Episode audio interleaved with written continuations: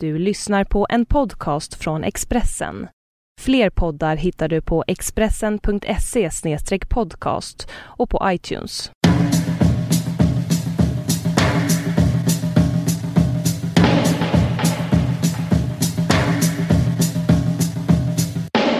Det känns helt avslappnat, 100 procent.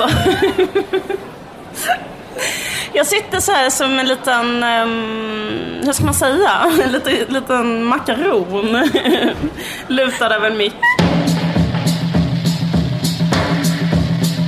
Vi är på Bokmässan i Göteborg och det här är En varg söker sin podd med mig som heter Liv Strömqvist och eh, Caroline Ringskog Ferrada Åli.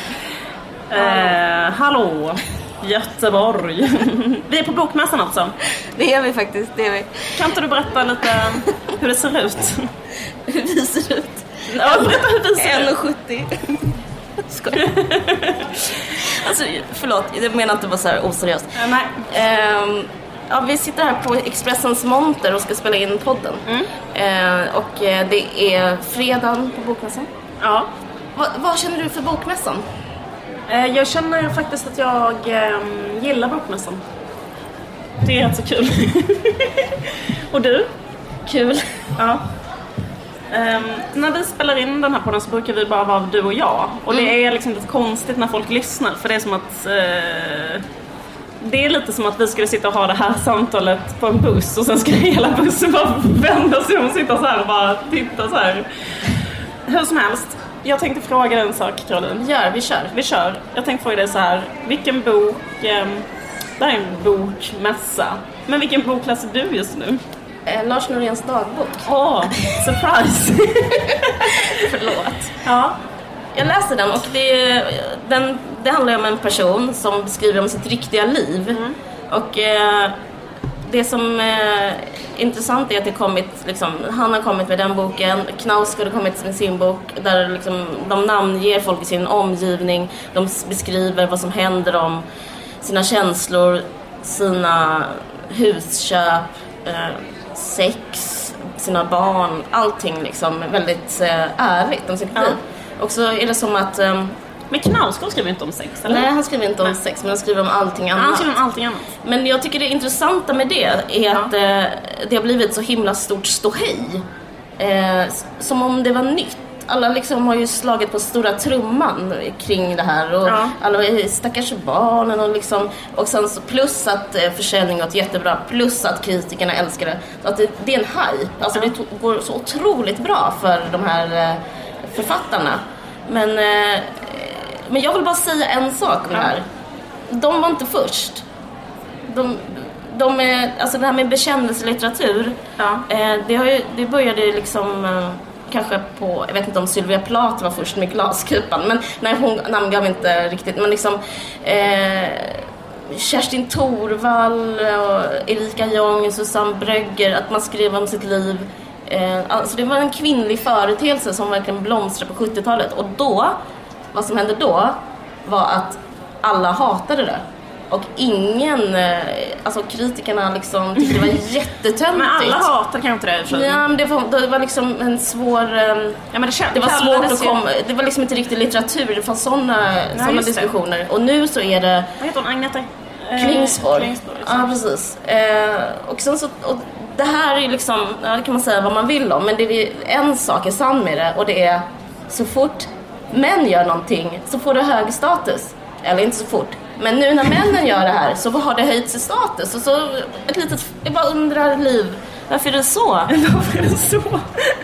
Ja men precis, men så är det ju jättemycket tycker jag att så här, när män gör någonting så höjs det i status. Alltså, alltså när män börjar göra något som är traditionellt kvinnligt så blir det liksom ett jättebra exempel på det är ju psyksnacket, alltså det traditionellt kvinnliga psyksnacket. Eh, det gör ju Alex och Sigge nu till exempel i sin podd. Och då är det plötsligt det bästa och mest intressanta som någon någonsin har hört. Men är inte det bara ett vanligt...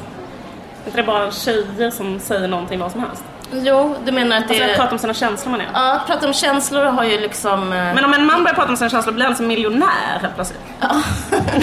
Då får han spons. Ja, det får en spons. Då ringer If skadeförsäkring och är så här, var ska jag sätta in pengarna? Vad är grejen med det?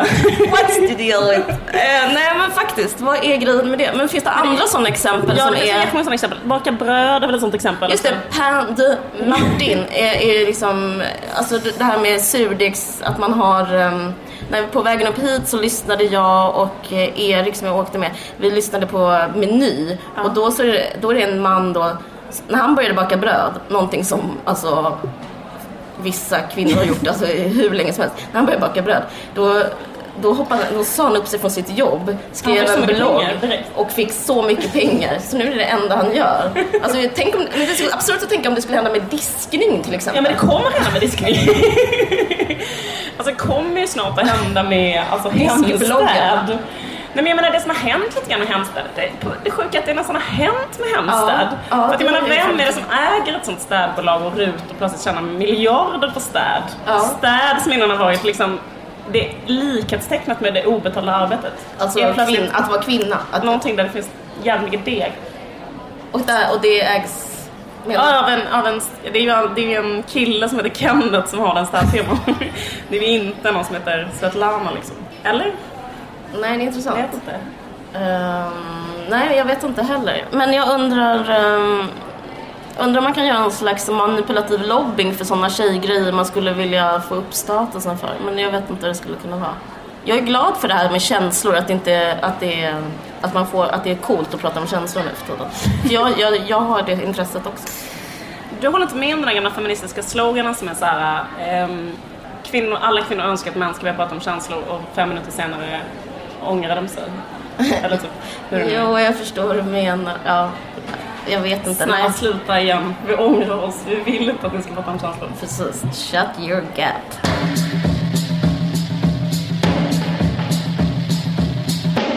Varför tror du att det är så många människor som kommer till bokmässan? Alltså, vad, vad är, varför är de här människorna här? De som vi kollar på nu? Jag tror att alla är besatta av berättelser. jag tror det. Jag tror att det är ett sätt att ordna livet på och jag är så himla glad för den här upptäckten. För att det är som att eh, man tror att litteratur är oviktigt men det är liksom, det är så otroligt viktigt.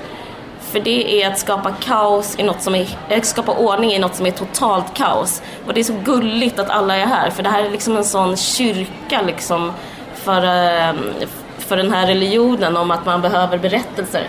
En berättelse, alltså det finns ingen berättelse egentligen. Det finns inget, eh, alltså att man eh, eh, berättelsen kan ju liksom säga tiden, att vi delar in vårt liv i tiden, det är ju bara en berättelse om Ja. kaos. Ja. Det finns ingen tid. Det är bara liksom något sätt att börja prata på om vårt livet. Så det, här, det är så djupt, djupt eh, existentiellt och ångestfyllt det här. Och det är så ett bra sätt att sköta den här gemensamma ångesten som är att leva och dö. Och det är liksom berätta att det ska börja, det ska vara en mitt och det ska sluta. Och det är så fint och nu så liksom det är så många som, och det, vissa gillar det mer och då kan man till sådana här mässor men, men alltså människors behov av berättelser är, det går liksom inte att underskatta. Men vissa utnyttjar det. Det har ju blivit modernt på sista tiden med storytelling. Har du, känner du till begreppet? ja, men du kan väl berätta lite ändå? Och jag, kan, inte- jag är inte så bra på det. Ja, Ehm, men det är väl en marknadsföringsstrategi? ja, PR. eh, Exakt, det, är, te- det, är en, det finns ju en PR-strategi som heter storytelling och det är liksom att man vill berätta så en berättelse om ett varumärke typ så här, ehm, som är som en, som fokuserar på mjuka värden är ju det. Ja. som, som är själva skillnaden mot en, en, annan, så här, en annan typ av reklam. Alltså att man vill säga till exempel kring ett varumärke eller kring en person eller kring en politisk person. Alltså alla håller på med detta hela, hela, hela tiden. Alla politiker, alla politiska partier, alla liksom eh, som har ett varumärke. Att, att Obama springer i trappor och tar av sin kavaj när han ska på ett möte berättar ju en berättelse om att han bryr sig och han har bråttom och han har mycket att göra för att han är så grym, ja. tycker jag. Ja. Och när Nixon avgick så, hade, så höll han ett tal som var så här: jag kommer sakna er. Då hade han ställt till så himla sjuka grejer, Watergate, massa skit. Och sen så sa han så här, jag kommer sakna er, men framförallt kommer jag sakna dig hunden. Och så tittade han på sin hund. Och då var alla så här, åh. Och sen så glömde man Watergate. ja. Det är så smart. Fast nu är det ju inte den hunden man fick nämna mest. Nej men där och då var han så... då tänker man bara, då berättade han en berättelse. Jag är en människa, jag har känslor. Till exempel gillar jag hundar och eh, hunden gillar mig. Och då, liksom, då, då såg man liksom ett helt liv spelas upp. Ja. Inte någon ond människa som schabblar med landets Ja. eh, liksom, jätteviktiga politik. Ja, just det. Men det finns ju liksom, vissa företag är verkligen så kända för storytelling. Alltså, man ska, alltså Ikea till exempel har ju den här äh, berättelsen att de är en stor familj och sådär. Det var ju därför som eh, jag såg en sån dokumentär om Kamprad som var så här att när de handlade om när de ville starta en fackförening på Ikea. Då blev han ju så himla ledsen. Han typ grät i dokumentären för han var så här, han tyckte det var så hemskt för att de var en familj. Det är som att ens barn skulle starta en fackförening mot en liksom. Och den som förhandling. Eller ens partner liksom, så kände han. Men det var hur som helst, storyn kring Ikea är ju så här att han var jättefattig. Och det byggde upp hela det själv. När du säger att det inte Nej, stämmer. för jag var på um, Capri i somras med massa olika författare och forskare och en forskare forskade om Ingvar Kamprad och hon berättade att han, eh, det finns en berätt, in- ka- alltså varför man köper IKEA är liksom för att man ska hjälpa Ingvar, pojken Kamprad. Typ så här, hur har du det nu? Ja, jag ska nog köpa så du kan eh, klara vintern. Det är liksom berättelsen, Ikeas liksom essensen av eh, storytelling där. För det handlar om att en, en otroligt fattig småländsk kall pojke Ja. har inget. Ja. Läser någonstans eh, i ett flygblad om att man kan få köpa tändstickor och sälja vidare. Och så gör han det. Och så går han från dörr till dörr och han jobbar hela dagarna. Är den storyn in- inspirerad av flickan med svalstickorna? Säkert. Men sen så, och det, och så, och så, jag vet inte om det finns någon variant med jultidningar att han gick och sålde. Men hur som helst, hans familj är, det är ingen hemlighet. Hans, han kommer från ett medelklasshem med typ en rätt så fin gård där i Småland. Jag kan inte tro på det. Nej, det. Nej men du, kan du tro på att han alltid fotograferas med en plastkasse istället för en väska? Ja, Men har han en väska som han då lägger undan när han blir fotograferad? Han har väl köpt en riktigt dyr plastkasse. Nej men han, han, han har ingen väska för att det berättar, eh, det är inte bra om berättelsen om hans liv. Nej. För berättelsen är bättre att det var liksom att han var fattig och eh, han skapade Ikea och sådär. Ja. Ja men precis, det är det som är... Men får man, får man men få, det är det här etiskt tycker du? Eller det liksom, finns det problem? Nej men jag vet inte, jag kan, jag kan känna...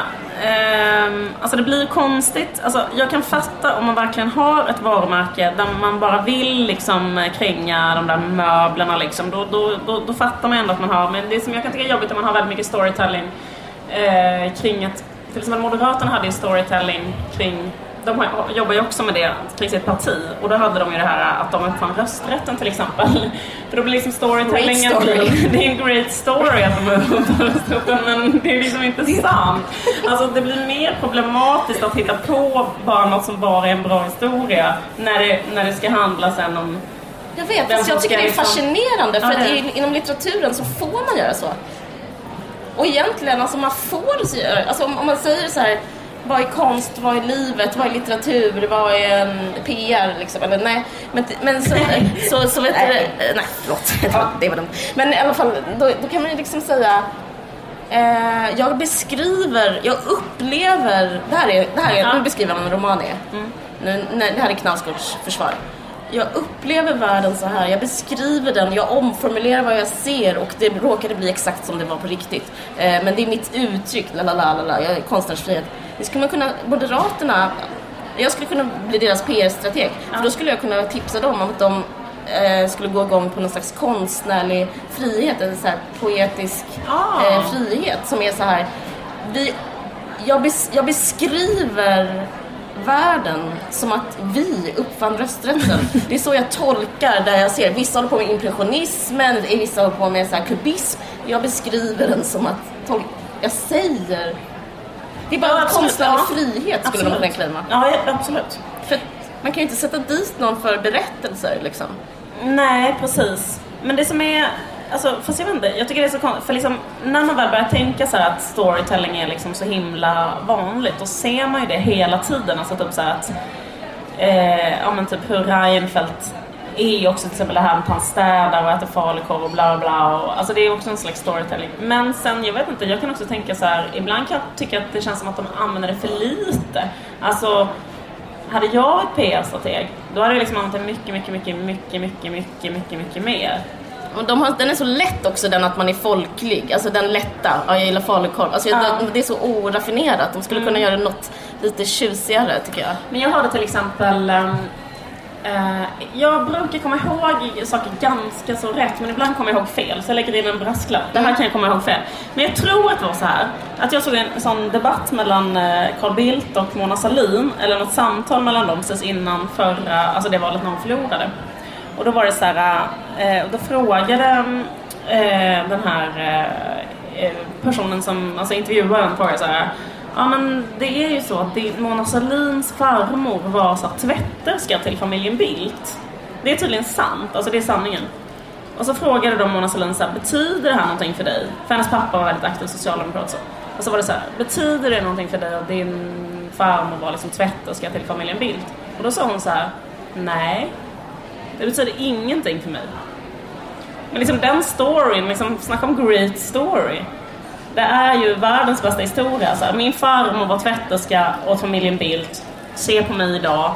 Ja absolut. Ehm, min dröm är eh, klassvandring eller något liksom. Eller alla ska möjlighet. Så det är, det, är liksom, det är jävligt konstigt tycker jag liksom, att de inte använder storytelling mer. Alltså varför använder inte Mona Sahlin den storytellingen?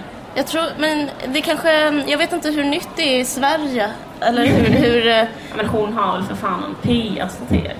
alltså, eller jag menar som skulle kunna göra ett bättre jobb med att sälja ut henne som en sån fattig piga som har jobbat sig upp. ja kanske.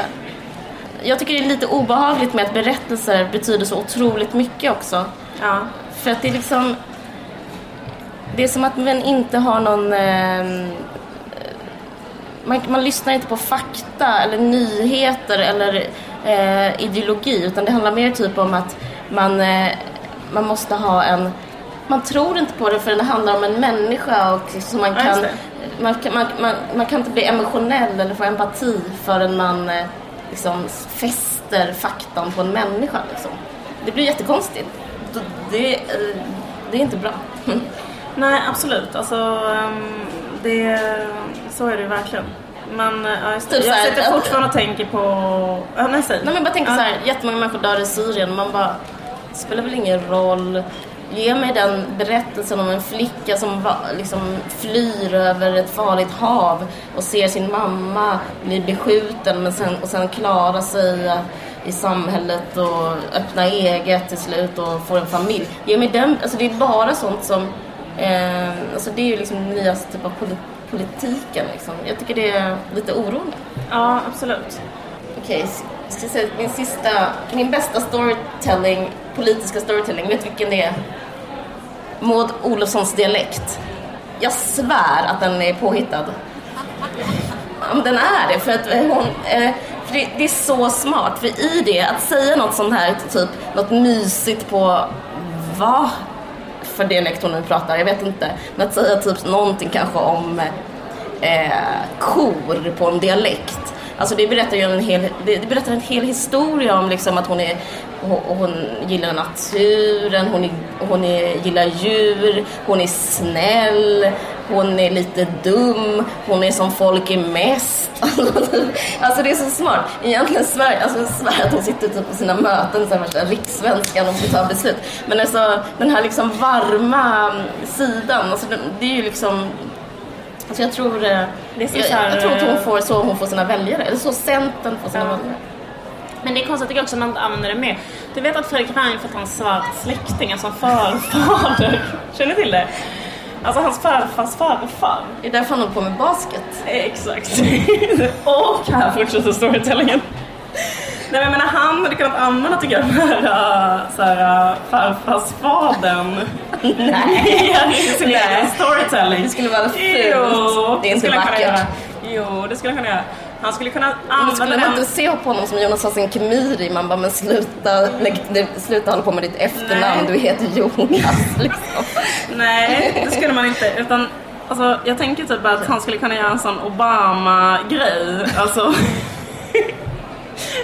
man hade den här. och liksom, men jag tänker också att han så här, alltså han skulle kunna använda det vid valda tillfällen. När kravallerna i Husby var så skulle man kunna säga vi eh, som eh, tampas med de här problemen eh, och så vidare.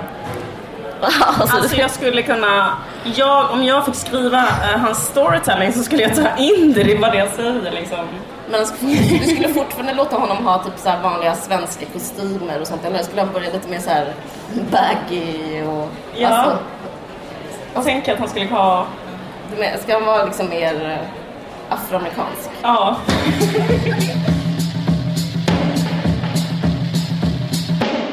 I morse, alltså vi, eh, jag vet inte om vi ska vara så här transparenta, men i morse så var det så här att vi var tvungna att ha ett sånt jävla långt psyksnack du och jag om vår relation i hotell, under hotellfrukosten. Okej. Och då, och så satt vi där och så var det så här att de, de vi liksom bara satt och pratade och pratade och pratade, och pratade om allting, allting, allting, och så allting liksom bara så här, vi tog upp och tog upp och tog upp allting som har hänt, och allting som har hänt med allting vi har- håller på med, bla bla. Sen eh, pratade vi så länge så att de tog ut hotellfrukosten innan vi hade hunnit ta. vi satt alltså i två timmar Hon bara pratade så intensivt och grät och så. så de, de, hann liksom, de dukade ut allting liksom. Och det här tycker jag är roligt med dig, apropå faux pas, för då är du så här, jag vill gå in, jag vill gå in där och, och, eh, och ta frukost ändå, fastän de hade, Nej men de erbjöd sig, de frågade, du ville de erbjöd sig ändå Jo, de gjorde det. Eh, jag, alltså, det händer alltid mig att jag får saker eh, på det viset. Du är ju så jävla Ja. bra på det. Men det handlar, jag tror det handlar om, du ska inte underskatta folks utseenden. Det handlar om att jag är kort. Så därför vet du, de frågade, kom det en sån eh, hotellpersonal och och sa så här, vill du följa med in till köket och få eh, pålägg på din macka? Då sa jag ja. För att jag, jag tror att man tänker snabbt i, sitt undermedvetna att jag är ett barn på grund av min längd. Ja, det är bra Ja. det där. Din bästa, jag kan berätta vad det är det bästa du har hasslat dig till. Du hasslar dig till saker på ett sätt som är fan sjukt. Mm. Men till exempel nu var det så här, de har liksom ändå orkat, vi har suttit där i två timmar, vi har inte kunnat ta mat, så suttit där och bölat. så slutade med att vi måste så här, då, men liksom som jag minns det så sa du så här, jag skulle gärna vilja ha frukt. De får ju så här, kan du inte säga vad du vill ha till frukost så kan jag gå in och hämta det till dig. Eh, till exempel frukt. Och då var du så här: nej, jag vill gå in, eh, jag vill gärna att ni tar ut det igen för jag vill kunna välja själv av den här frukten. Ja. Och då gjorde de det. Ehm, men så är ju du, apropå att göra sociala övertramp. Men en rolig grej, det bästa du har gjort är ju så här, en gång när du skulle flyga. Det här är, det, det här är ditt bästa sådana. Jag minns inte det här. Jo, det det var så här. Du skulle flyga, by, byta, byta flyg i så här, eh, Rotterdam typ. Då går du in i en sån, eh, börjar kolla på såna kräm typ, och prova här parfym inne där. Så länge så att du missar flyget så att det går. Du missar anknytningen. Då lyckas du gå in med det här att vara kort. Gå in och vara så kort och se ut så mycket som ett barn så att du, du får en ny flygbiljett gratis. Ja. Ja. Det har hänt två gånger och det har också hänt på SJ. Ja, jag, jag har fått en SJ X2000 på samma sätt. Men eh, på grund jag bara, det var, så att det- svår, det var så kallt, det var så svårt att ta, det här, det här är det bästa tycker jag när jag åkte, när jag missade tåget. Jag bara, det var så kallt ute. Det var så kallt. De bara, ja det var så kallt. Det var kallt. Så fick jag en det är så sjukt. Detta är sant, det är det som är, ja, Det här händer aldrig mig. Och det är det för att jag är lång? jag tror det. Fan också. Eh, lång, lång, kort, söt. Du får... söt, ful. Nej jag ska. Nej jag skämtar. Jag Eh, tänkte att det är roligt att du ser ganska mycket ut som ett barn. Har vi redan pratat om det när du var med i Babel? För det var roligt tycker jag. För när Jag i Caroline var ju med i Babel och då såg jag, när jag såg det på TV, då såg jag att du såg ännu mer ut som ett barn i TV. Och så pratade du, såg som, det var som ett sånt, du blev så jävligt lustig upplevelse. För det var som att så här, varför sitter det där lilla, lilla barnet i Babel och pratar? Det var som att se någon jättelill gammal. så här, man blir så här, är hon 12? Och hon har läst hela den där boken sån känsla fick man när man såg dig bara. Mm.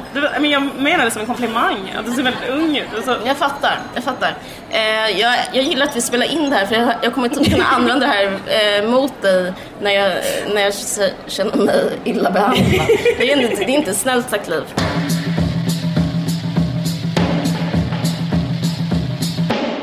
Det har varit en eh, ny rasistskandal inom polisen i Skåne. Ja. Är du förvånad? Absolut inte, för, för att ehm, det är ju våra klasskompisar som växte upp.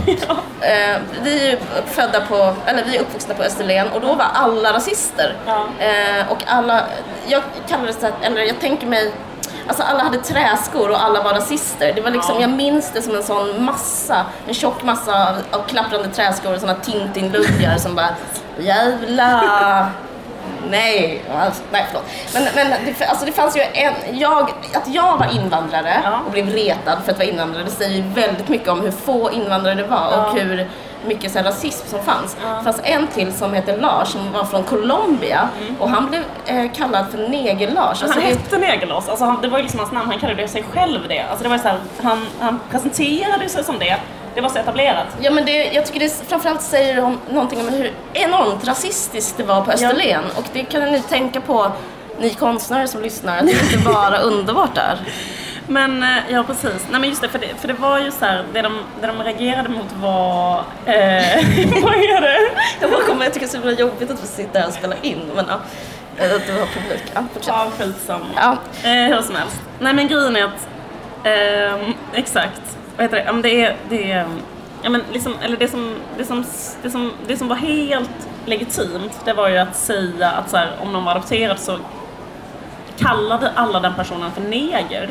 Jag, jag är lite förvånad över att det här hände, att man började vara så öppet rasistisk så att man har, man gjorde liksom ett eh, register över romer. Men nu när de har bjudit upp till den här rasistiska dansen skulle jag gärna ta, ta tillfället och vara säga något om skåningar. Alltså det är, för mig, Så jag tar det här tillfället. jag tar tillfället, Du tar det här tillfället. Ja, det är ja, jättebra. liksom, det finns ett rasistiskt, ett, fön, ett eh, öppet fönster för rasismen nu. Som jag, och medan det är fortfarande öppet, för det är liksom helt oacceptabelt, men nu är det i alla fall öppnat.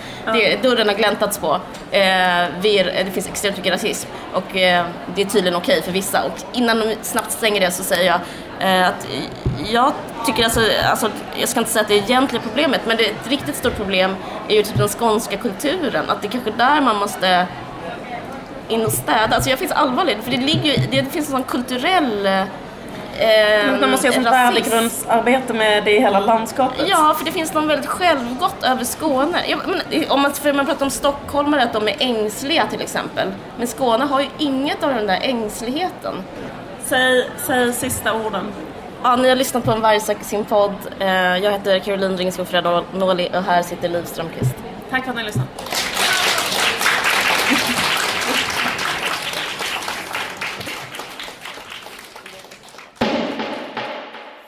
Du har lyssnat på en podcast från Expressen.